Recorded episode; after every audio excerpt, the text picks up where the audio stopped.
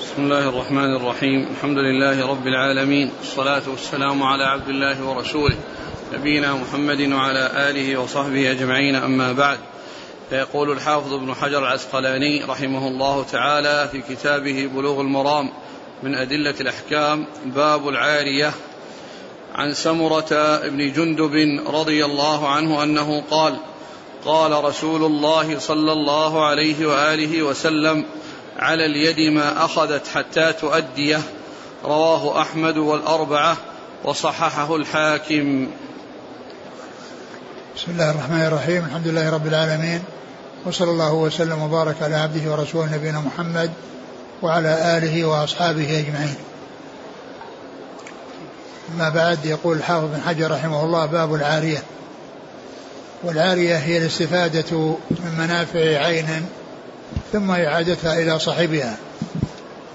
وأورد فيه أحاديث من حديث سمرة بن جندب رضي الله عنه أن النبي صلى الله عليه وسلم قال على على اليد ما أخذت على اليد ما أخذت حتى تؤديه وهذا الحديث فيه الحسن عن سمرة وهو مدلس وقد روى عنه بالعنعنة والذي ثبت أنه سمعه من سمرة هو حديث العقيقة الذي جاء في صحيح البخاري. وأما ما عداه فإن فإنه لم يثبت. و و و و وهذا الحديث يشمل العارية وغير العارية. يعني علي ما أخذت يعني سواء عارية أو غير عارية. يعني فإنها يعني ملزمة بالمحافظة عليه ثم إعادته يعني سواء كان عارية أو وديعة أو أمانة أو يعني غير ذلك من من من من الأشياء التي تكون فيها العين بيد يعني بيد غير صاحبها فإن على من تكون بيده أن يحافظ عليها وأن يؤديها إلى صاحبها على اليد ما أخذت حتى تؤديه. على اليد ما أخذت حتى تؤديه والعلماء فيهم لهم في رواية الحسن عن سمرة ثلاث أقوال منهم من قال إنها يعني معتبرة مطلقة ومنهم من قال إنها لا تعتبر مطلقة ومنهم من قال إن المعتبر هو حديث العقيقة الذي صرح فيه بالسماع. وأن ما لم يصرح فيه بالسماع فهو يعني ليس بصحيح. ولا يعني ولا بثابت. نعم. وعن أبي هريرة رضي الله عنه أنه قال قال رسول الله صلى الله عليه وآله وسلم أد الأمانة إلى من ائتمنك ولا تخن من خانك. رواه أبو داود والترمذي وحسنه وصححه الحاكم واستنكره أبو حاتم الرازي. ثم ذكر هذا الحديث عن النبي صلى الله عليه وسلم أنه قال اد الأمانة إلى من ائتمنك ولا تخن من خانك. وهذه من جوامع الكلمة عليه الصلاة والسلام وهو أن الإنسان عندما يؤتمن على شيء فإنه يؤديه إلى صاحبه وأنه لا يخونه حتى ولو حصلت الخيانة يعني منه.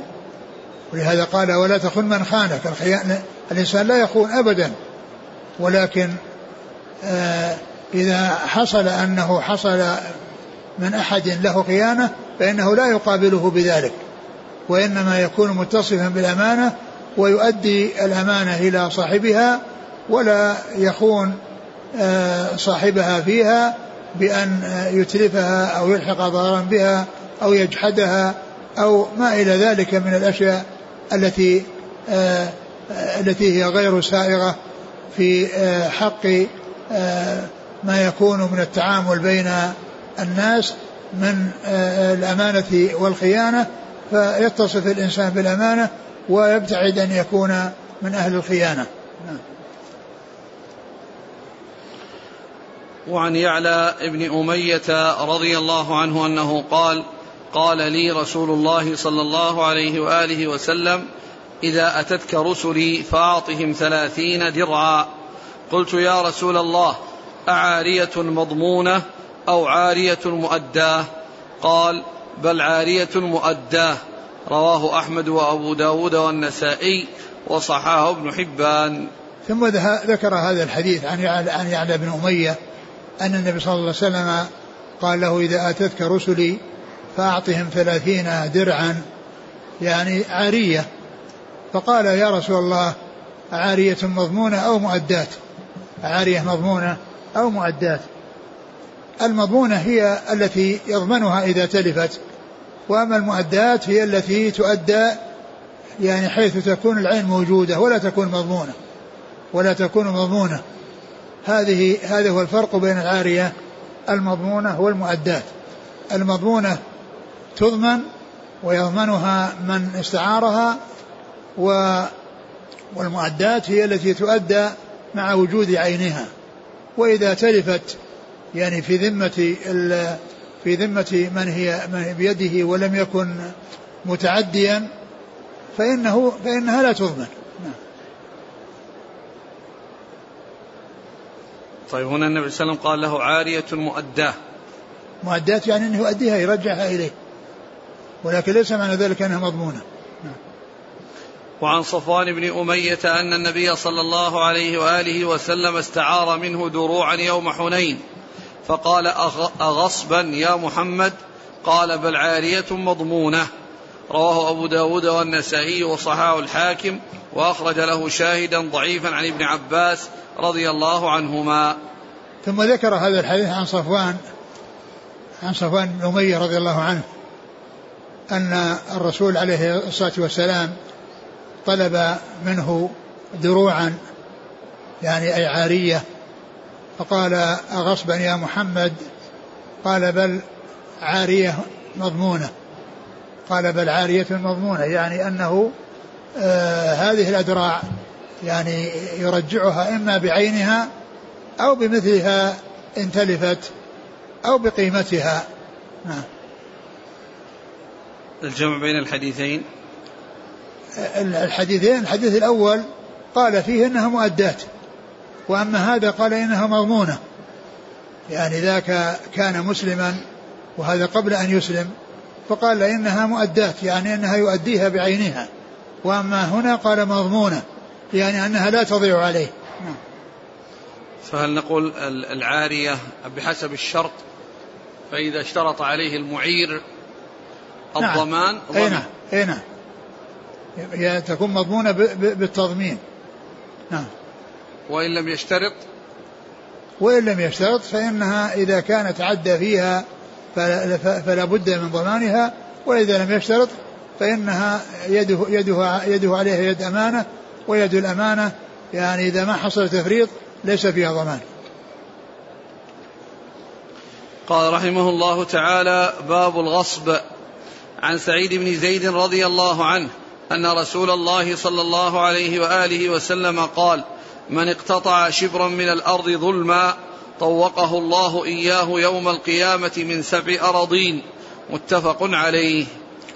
ثم ذكر الغصب. والغصب هو أخذ مال الغير بغير حق. أخذ مال مال الغير بغير حق. وقد أورد فيه أحاديث. منها حديث آه، سعيد بن زيد؟ نعم. سعيد بن زيد رضي الله عنه هو أحد العشرة المبشرين بالجنة. أنه أن النبي صلى الله عليه وسلم قال من اقتطع شبرا من الأرض طوقه ظلما طوقه من سبع أراضين يوم القيامة. وهذا فيه أن أخذ مال الغير لا يجوز ولو كان قليلا إلا بإذنه. وذلك لأنه هنا عبر بقوله شبرا.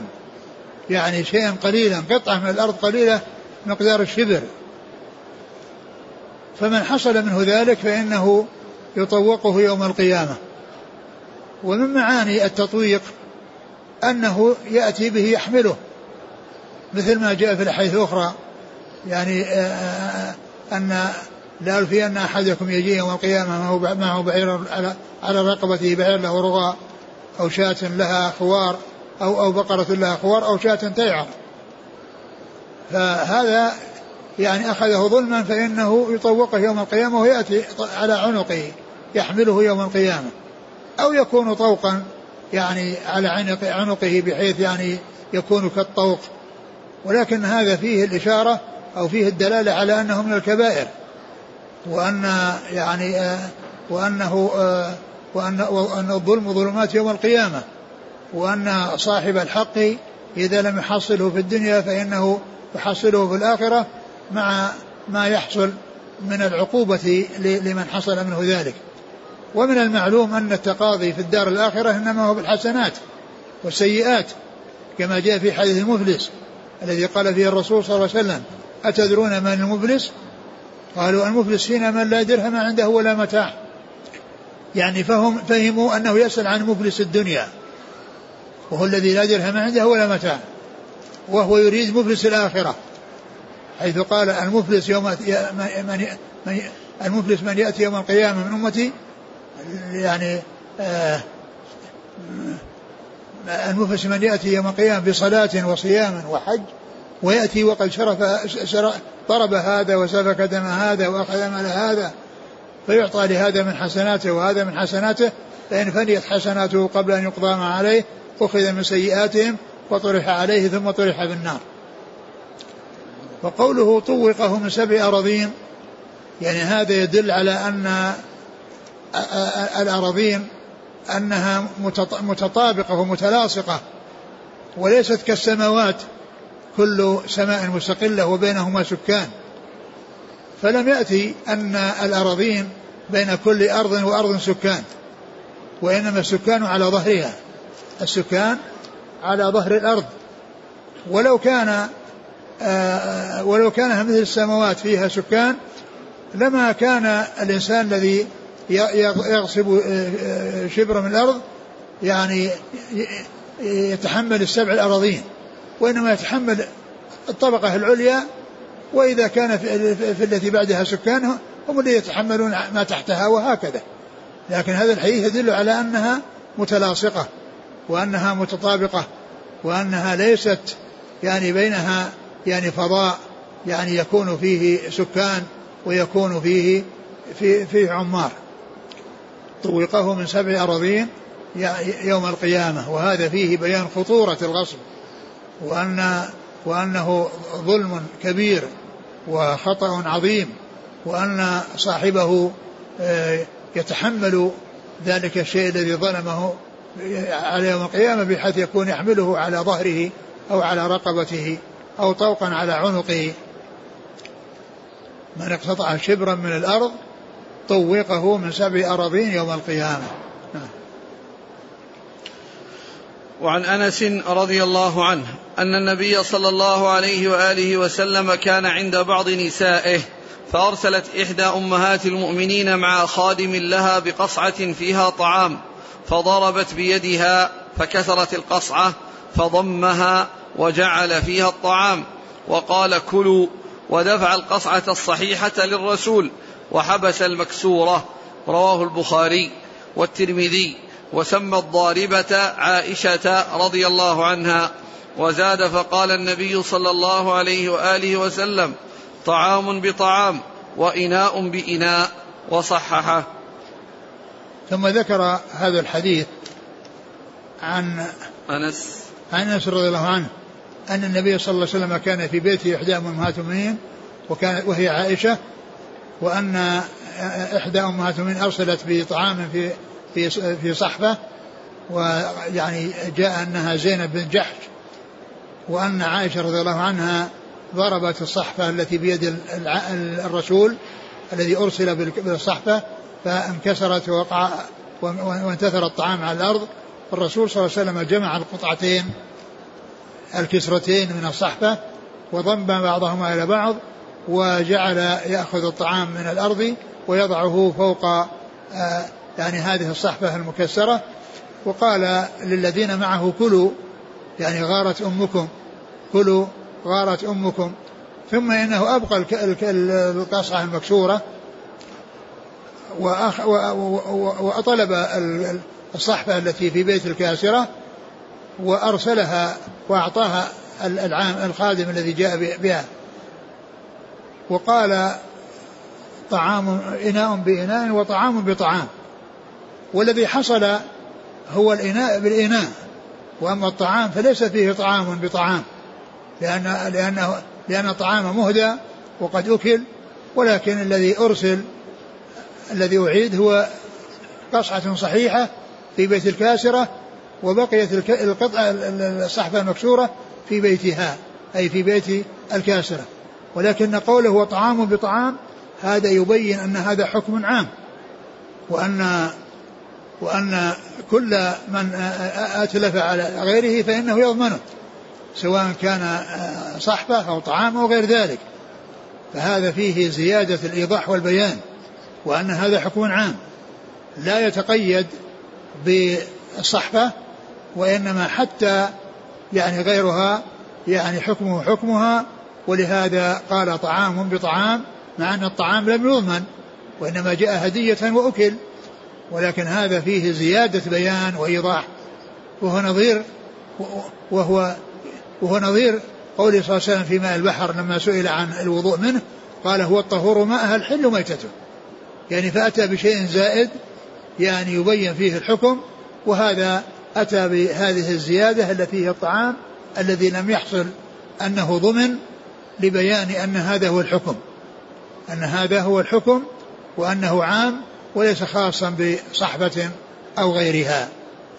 ثم إن هذا الحديث غير واضح الدخول في كتاب الغصب لأنه ليس فيه غصب إلا أن يقال إن هذا الإتلاف الذي حصل هو بمنزلة الغصب.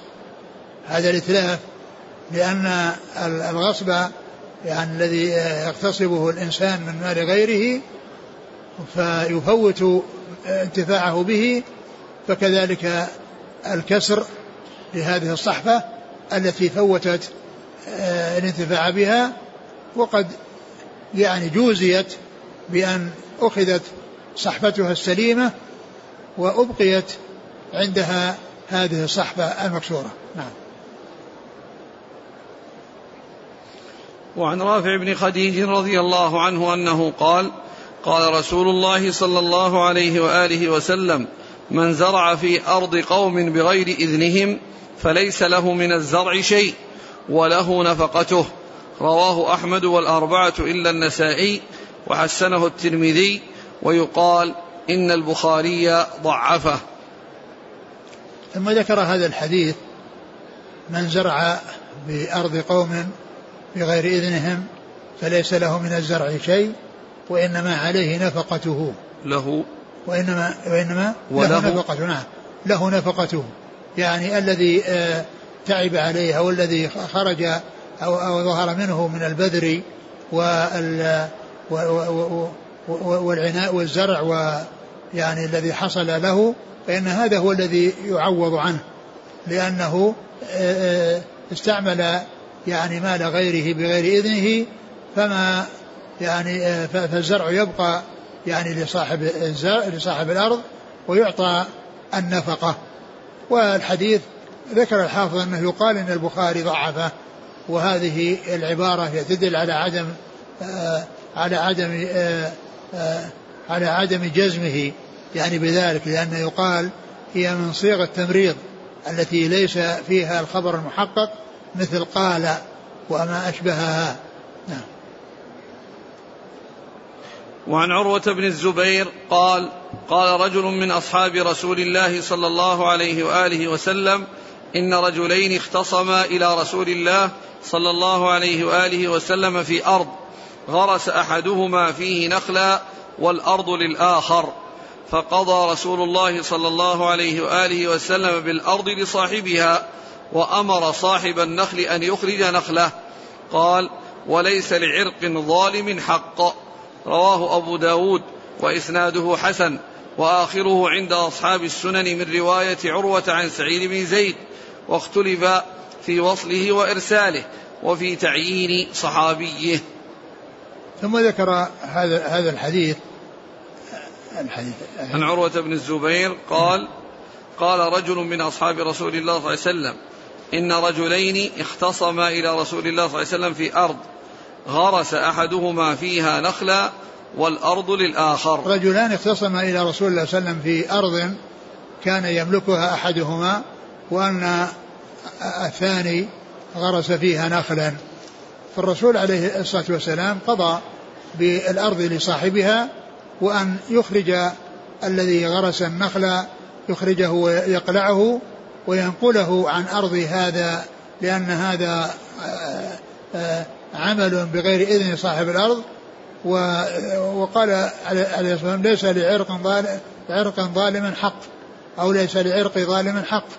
يعني أن كونه غرسه يعني لا لا يملك الأرض.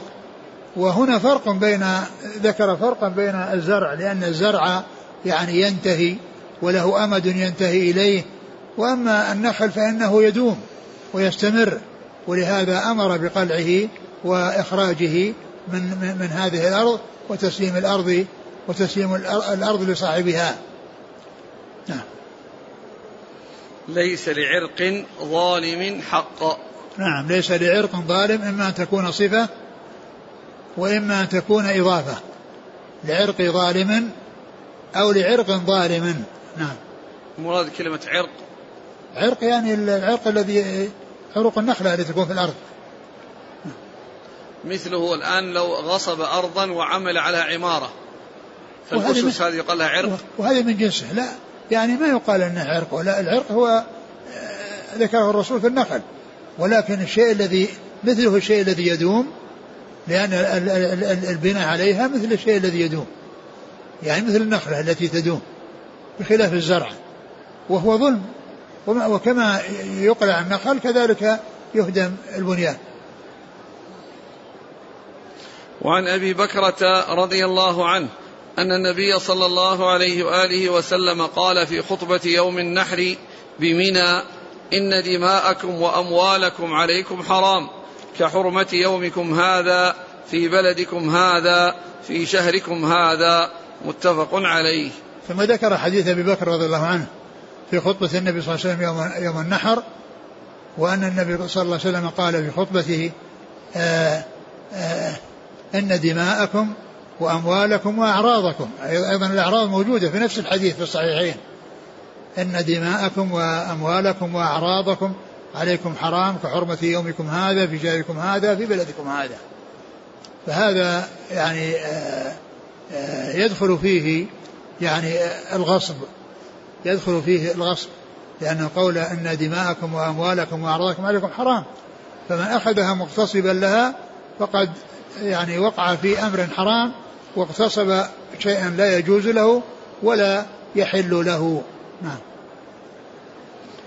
قال رحمه الله تعالى باب الشفعة. عن جابر بن عبد الله رضي الله عنهما أنه قال قضى رسول الله صلى الله عليه وآله وسلم بالشفعة في كل ما لم يقسم فإذا وقعت الحدود وصرفت الطرق فلا شفعة. متفق عليه. واللفظ للبخاري وفي رواية مسلم الشفعة في كل شرك في الأرض أو ربع أو حائط لا يصلح أن يبيع حتى يعرض على شريكه. وفي رواية الطحاوي قضى النبي صلى الله عليه وآله وسلم بالشفعة في كل شيء ورجاله ثقات. ثم ذكر الشفعة. والشفعة هي من الشفع وهو ضد الوتر.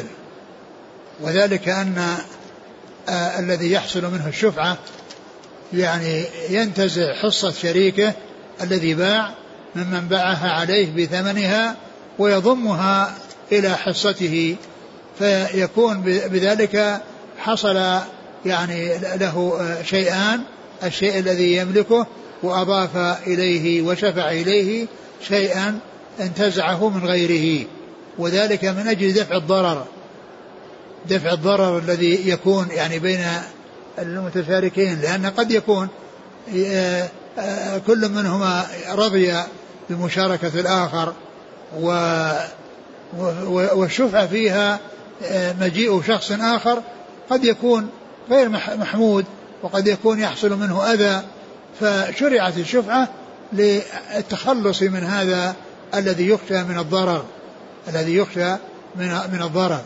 فالشفعة انتزاع الشريك حصة شريكه الذي باعها على غيره بالثمن أو بالقيمة التي باعها به. هذه هي الشفعة. والشفعة هي في, في, في الأراضي هذه ثابتة بالإجماع. وهذا الحديث واضح الدلالة الذي أورده هذا الحديث صحيح يدل عليه.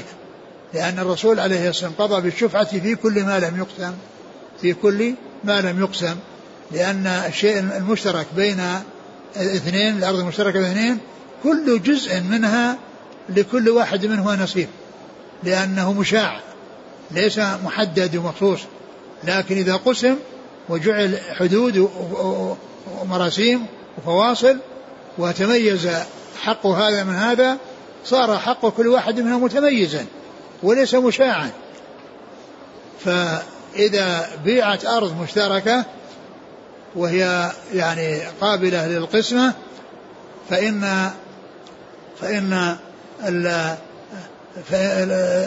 فإن القسمة صحيحة وأحد الشريكين إذا لم يعني يكون البيع عليه وإنما باع على غيره فإذا علم له أن ينتزع حصة الشريك الجديد الذي اشترى من الشريك الأول. فيكون القطعتين فتكون الأرض كلها للشريك الذي باع شريكه على غيره دفعا للضرر الذي قد يحصل من الشريك الجديد. وكذلك أيضا لحصول الانتفاع من الأرض يعني بدون أن يكون له من يشاركه ممن يخشى أن يحصل منه ضرر ضرر عليه. فالقضاء بالشفعة في كل ما لم يقسم. فإذا وضعت الحدود وصرفت الطرق فلا شفعة.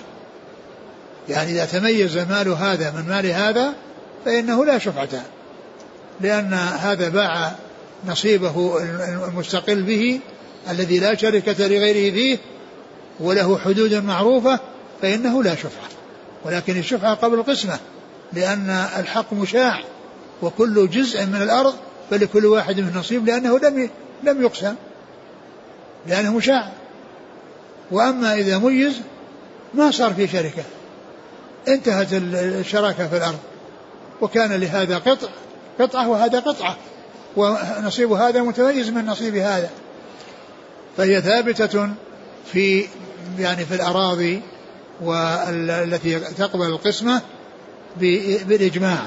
وأما إذا كانت لا تقبل القسمة يعني كالحانوت الصغير وكالحمام الصغير فإنه لا يقبل القسمة فهذا يعني آه يعني آه تكون فيه الشفعة لأنه لا مجال للقسمة لا مجال للقسمة قال قضى الرسول صلى الله عليه وسلم بالشفعة في كل ما لم يقسم فإذا وقعت الحدود وصرفت الطرق فلا شفعة.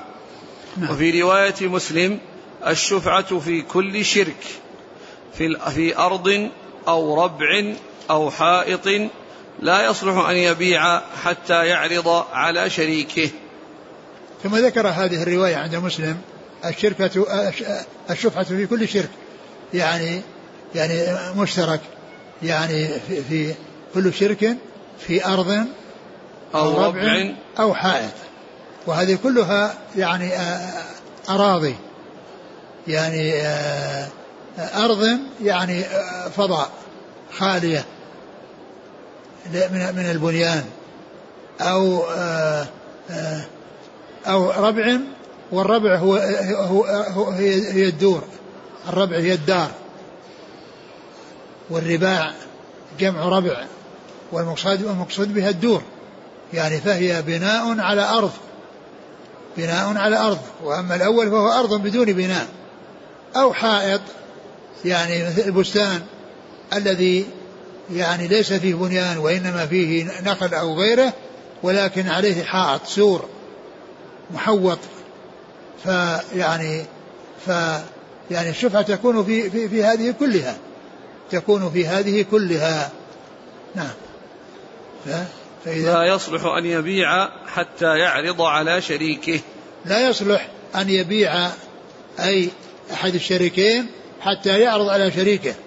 وهذا من من من الأخلاق الكريمة والآداب الحسنة وهي والمعاملة الطيبة من الشريك لشريكه بأن يخبره بأنه سيبيع وأنه أولى من غيره حتى لا يحصل له ضرر من غيره. ف يعني فهذا من الأخلاق والآداب. ولكنه إذا لم يخبره وباع بدون أن يعلم بدون أن يعلم فإن له الشفعة. فإن له الشفعة.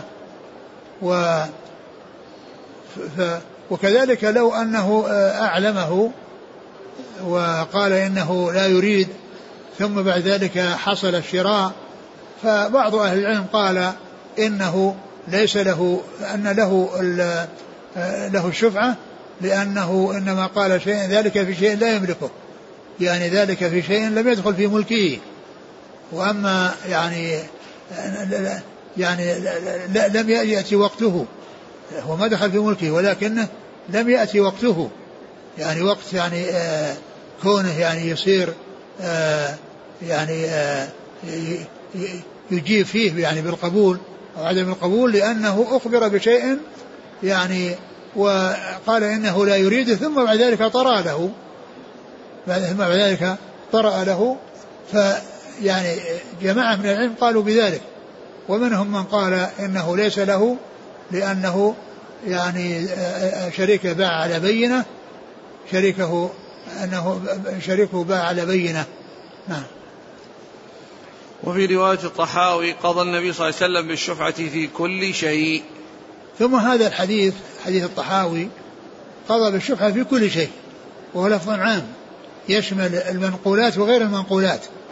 وأما الحديث الذي راح الذي مر أو الحديث الذي مر فإنهما في, في, في, في, في الأشياء الثابتة يعني في الدور والأراضي والبساتين يعني أمور ثابتة. وتقبل القسمة أو لا تقبل القسمة لصغرها. وأما حديث الشفعة في كل شيء فإنها تشمل المنقولات وغير المنقولات. مثل ما أن يكون اثنين مشتركين في سيارة أو اثنين مشتركين في ناقة. فإنه إذا باع أحدهما فللثاني أن ينتزع حصة شريكه من الذي باع عليه بل قد تكون الأمر في ذلك أشد وأعظم. لأن الاشتراك في السيارة يعني أشد من الاشتراك في الأرض لأن هذا يريد أن يستخدمها أو هذا يريد أن يعني يعني يستفيد منها والثاني يحصل الخلاف بسبب ذلك. فإذا هذا الحديث الذي هو حديث الطحاوي يعني يشمل المنقولات وغير المنقولات ويكون ذكر المنقولات أو الأشياء الثابتة يعني آآ آآ ما ما ورد فيها من حيث يخصها يعتبر من الحكم على بعض أفراد العام بحكم العام وهو لا يخصص العام وهو لا يخصص العام لأن الشفعة في كل شيء فيدخل في ذلك المنقول وغير المنقول وما جاء من التفصيل يعني فيما يتعلق بالأشياء الثابتة والنص على الشفعة في الأشياء الثابتة لا يقصر الحكم عليه بل هو داخل تحت عموم قوله صلى الله عليه وسلم الشفعة في كل شيء. نعم. وعن أبي رافع رضي الله عنه أنه قال قال رسول الله صلى الله عليه وآله وسلم الجار أحق بصقبه. أخرجه البخاري وفيه قصة. ثم ذكر هذا الحديث عن النبي صلى الله عليه وسلم أنه قال الجار أحق بصقبه. يعني أحق بصقبه يعني بقربه ولكن لا يعني ذلك أن له شفعة لأن الرسول عليه الصلاة والسلام يعني جعل الشريك المقاسم الشريك الذي هو مشاركه إذا قسم وعرفت الحدود فإنه يعني آآ آآ يعني لا شفعة لأنه شيء متميز. فمن باب أولى الجار الذي له دار وله جار داره بجواره يعني إذا باع ذاك لا يشفع الجار على الجار على الذي اشترى من الجار. لأن الحديث الأول بين أنه إذا صرفت الطرق فلا شفعة في الشيء الذي لم يقسم إذا قسم صار ما في شفعة. فمن باب أولى الجار أو الدار التي بجوار دار بجوار داره لأنه لا يعتبر شريك لا يعتبر شريك لكن من حسن من الأخلاق من الآداب الطيبة والأخلاق الكريمة أن أن الإنسان إذا أراد يخبر جاره بأنه سيبيع داره. حتى إذا أرادها فهو أولى بها. حتى إذا أرادها هذا الجار فإنه يكون أولى. أما أن يكون يبيعها ثم يأتي هذا ويشفع فليس له حق الشفعة لأن حديث فإذا أقيمت الحدود وصلت الطرق فلا شفعة يدل على أنه لا شفعة في الشيء الذي قسم. فمن باب أولى الدار التي بجوار الدار. نعم. ما يستثنى إذا كان هناك شيء يختص به ما؟ لا, لا سيأتي سيأتي حديث هذا. قال أخرجه البخاري وفيه قصة. نعم. قصته؟ ما أتذكرها لأن موجودة في نعم. يقول عن عمرو بن الشريد قال وقفت على سعد بن أبي وقاص فجاء المسور بن مخرمة فوضع يده على إحدى منكبي إذ جاء أبو رافع مولى رسول الله صلى الله عليه وسلم فقال يا سعد ابتع مني بيتي في دارك.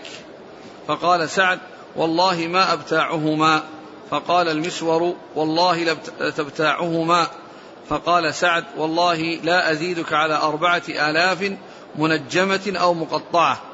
قال أبو رافع لقد أعطيت خمسمائة دينار ولولا أني سمعت النبي صلى الله عليه وسلم يقول الجار أحق بصقبه ما أعطيتكها بأربعة آلاف وأنا أعطى بها خمسمائة دينار فأعطاها إياه. هذا في البخاري؟ نعم. نعم هذا في القصة. نعم. وعن أنس بن مالك رضي الله عنه قال جاء قال رسول الله صلى الله عليه وسلم جار الدار أحق بالدار رواه النسائي وصححه ابن حبان وله علة. وهذا مثل مثل الذي قبله يعني أن أن أن له شفعة. ولكن الحديث يعني ضعيف. ومعلوم أن الجيران وقد تميزت أملاكهما وليس هناك شيء يشتركون فيه يعني من مدخل من من من فناء أو أو مسيل أو غير ذلك فإنه لا شفعة.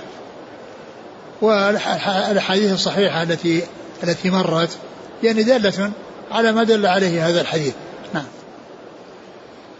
وعن جابر رضي الله عنه قال قال رسول الله صلى الله عليه وسلم الجار أحق بشفعة جاره ينتظر بها وإن كان غائبا إذا كان طريقهما واحدا. رواه أحمد والأربعة ورجاله ثقات. وهذا فيه أن أن الجار إذا كان هناك أمر مشترك بينهما بأن يكون لهما مدخل خاص أو يكون في مسيل يعني السيل يأتي لهما ويشتركان في مسيل. فإن الخلاف أو الضرر الذي يحصل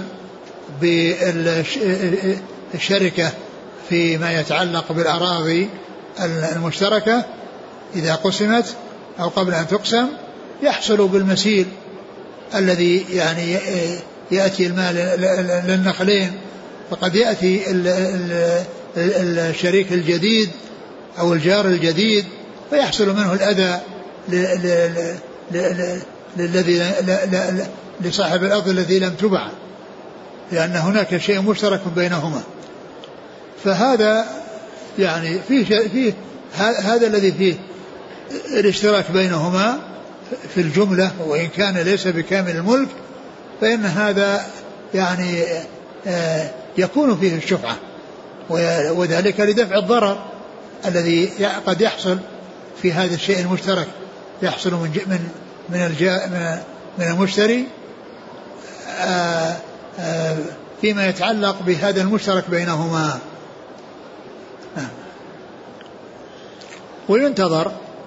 يعني يعني الإنسان إذا كان غائبا ثم جاء ولم يعلم فإنه يعني له شفعة. ولكن إذا أخبر كما هو في هذا الزمان في التلفون وعلم بأنه حصل بيع ولم يحصل منه الشفعة أو الإخبار بأنه شافع فإن البيع يصح وينفذ.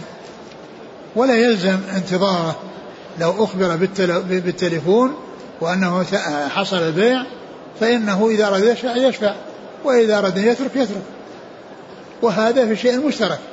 أما إذا كان الجار مستقلا وليس هناك أمور مشتركة فإنه لا شفعة وعن ابن عمر رضي الله عنهما عن النبي صلى الله عليه وآله وسلم أنه قال: الشفعة كحل العقال. رواه ابن ماجه والبزار وزاد ولا شفعة لغائب وإسناده ضعيف. هذا الحديث الذي الشفعة كحل العقال يعني أنها يبادر بها وأنها على الفور وليست على التراخي لأن الإنسان إذا أخبر بأنه باع ثم جعل يفكر بعد أيام وبعد شهر أو بعد كذا يصير الأمر غير مستقر. ولكن ان الشفعة تكون عند عند عند حصول العلم منه. والحديث ضعيف ولكن ان كونها على الفور وكونها يعني لا تكون على التراخي لأن هذا يعني يضر بالمشتري الثاني وأنه لا يعرف هل هل يعني الملك له أو الملك لغيره.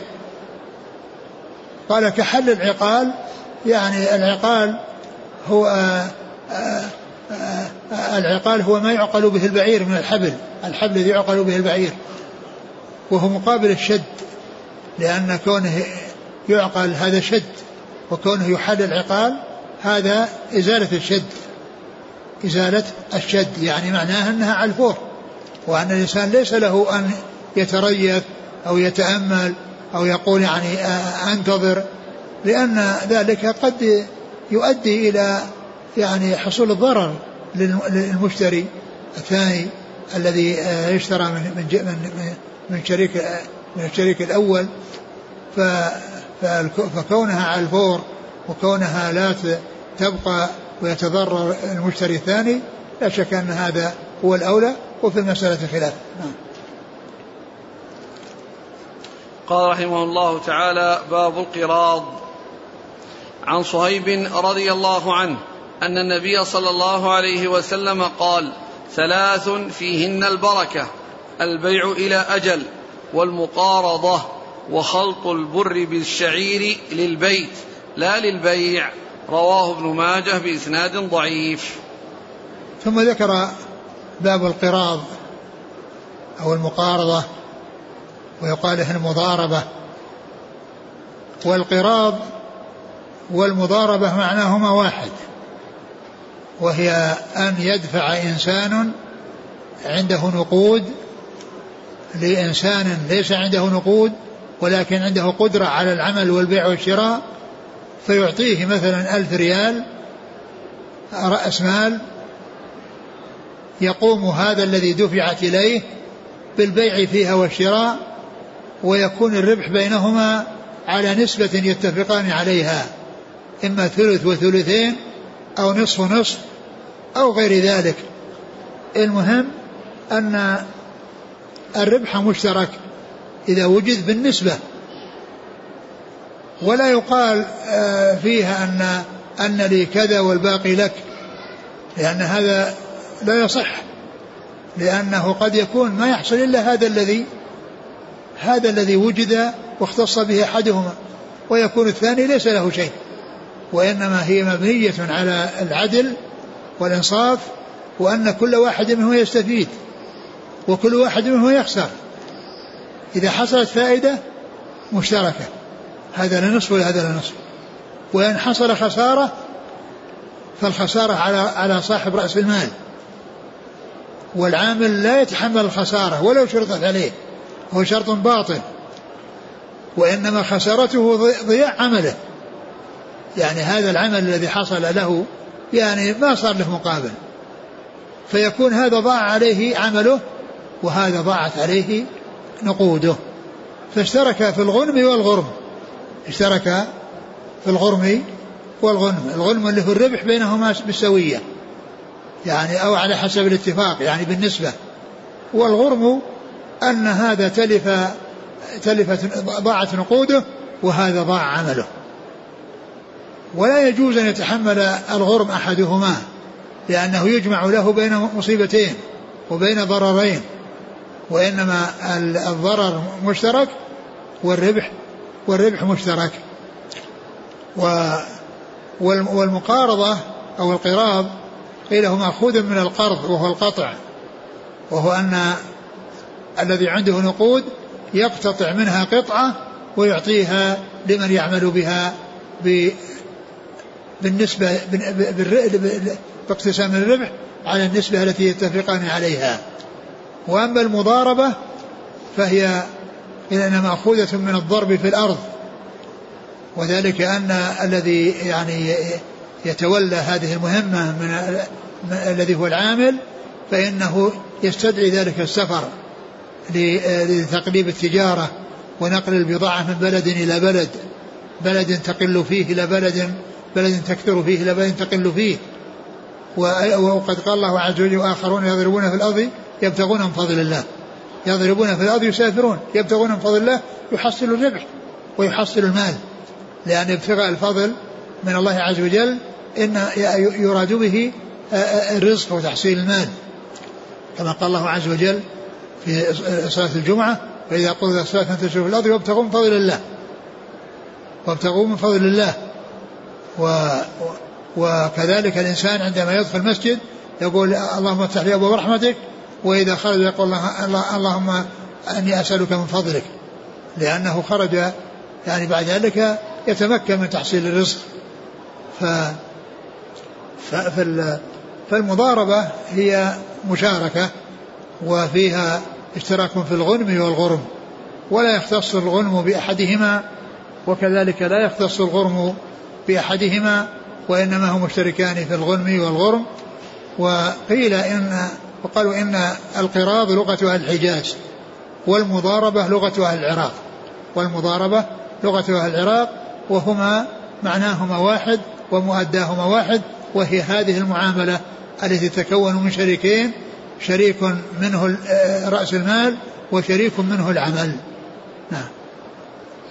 عن صهيب رضي الله عنه أن النبي صلى الله عليه وسلم قال ثلاث فيهن البركة البيع إلى أجل والمقارضة وخلط البر بالشعير للبيت لا للبيع. رواه. رواه ابن ماجه بإسناد ضعيف. آه هذا الحديث فيه هذه الأمور الثلاثة قال فيهن البركة البيع إلى أجل والمقارضة وخلط البر بالشعير للبيت. يعني ليس للبيع وإنما للبيت. فالبركة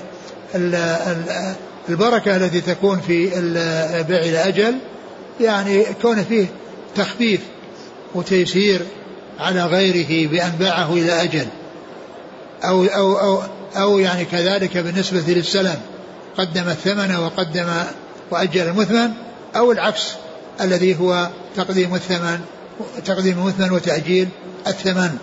يعني البركة هي بهذا المعنى التي التي فيها إحسان وفيها إرفاق. والمقارضة يعني التي فيها يعني استفادة صاحب النقود الذي قد لا يكون عنده خبرة في البيع والشراء. واستفادة صاحب العمل الذي عنده قدرة على العمل ولكن ما عنده نقود.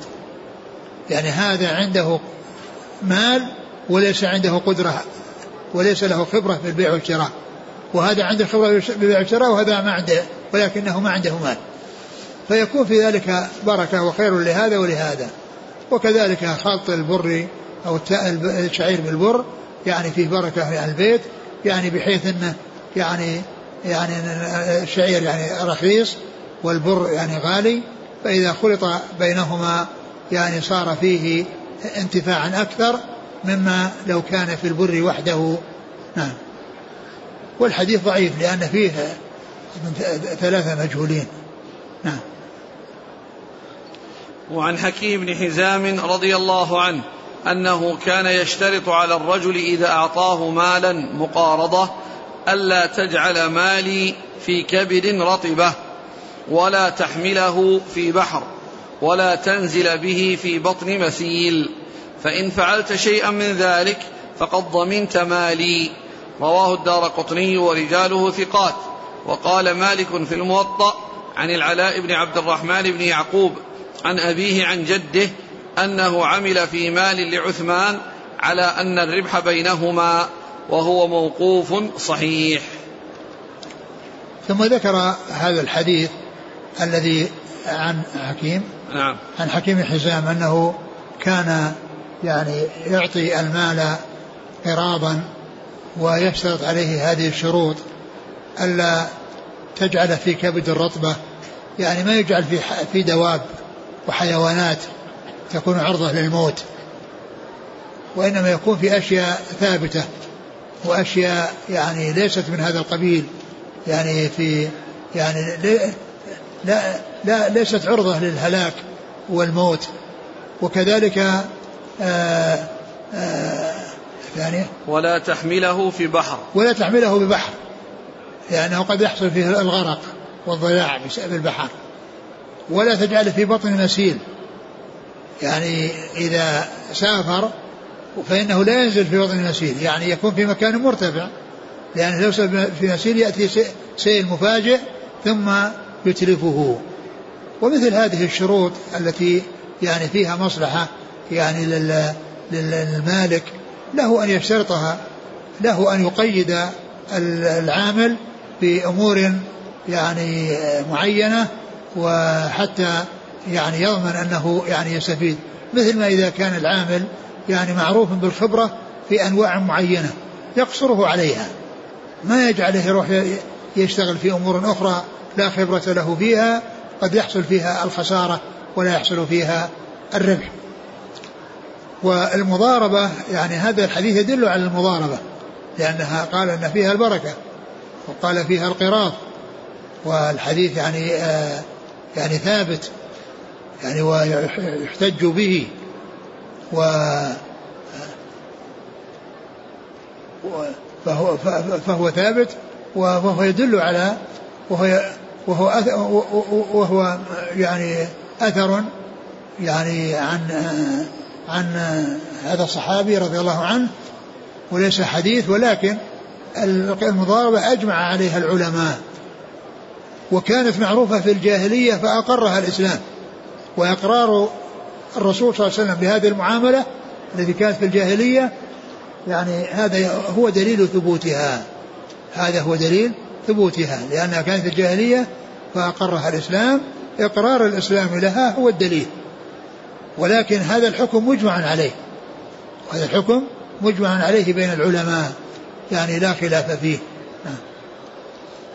قال مالك في الموطأ عن عن العلاء بن عبد الرحمن بن يعقوب عن أبيه عن جده أنه عمل في مال لعثمان على أن الربح بينهما وهو موقوف صحيح. نعم. إيش بعده؟ باب المساقات والإجارة. والله تعالى أعلم وصلى الله وسلم وبارك على عبده ورسوله نبينا محمد وعلى آله وأصحابه أجمعين. مما يشبه المضاربة كون الإنسان عنده سيارة ويعطيها لمن يشتغل عليها بالأجرة ويكون ما يحصل بينهما على النسبة التي يتفقان عليها. فإن ذلك سائر. يعني هذا منه سيارة وهذا منه عمل ويشتغل بالأجرة. وما حصل من ربح يكون بينهما نصفين أو يعني أو أو ثلث ثلثين. فهذه آه، شبيهة بالمضاربة. لأن المضاربة فيها آه، رأس مال له نقود وهذا من عمل وأما هذه عين يشتغل بها ويعني تكون يكون لصاحبها آه، نصف الأجرة التي تحصل بسبب أن أداء أن السيارة له وذاك يحصل له نصفها بسبب أنه عمل على هذه السيارة. نعم.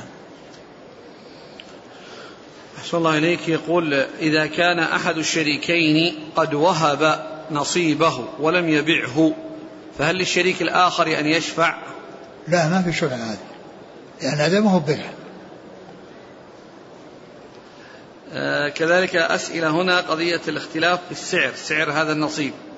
فإذا باع الشريك نصيبه آه، بثمن بثمن السوق وجاء الشافع ليطلب بثمن أقل وفيه بخس. لا ليس له ذلك.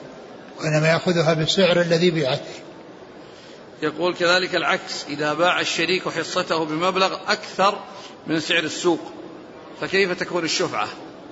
أبدا. الشيء الذي حصل فيه البيع هو الذي تكون الشفعة سواء كان قليلا أو كثيرا. بس يقول أنه باعها بأكثر من سعر السوق.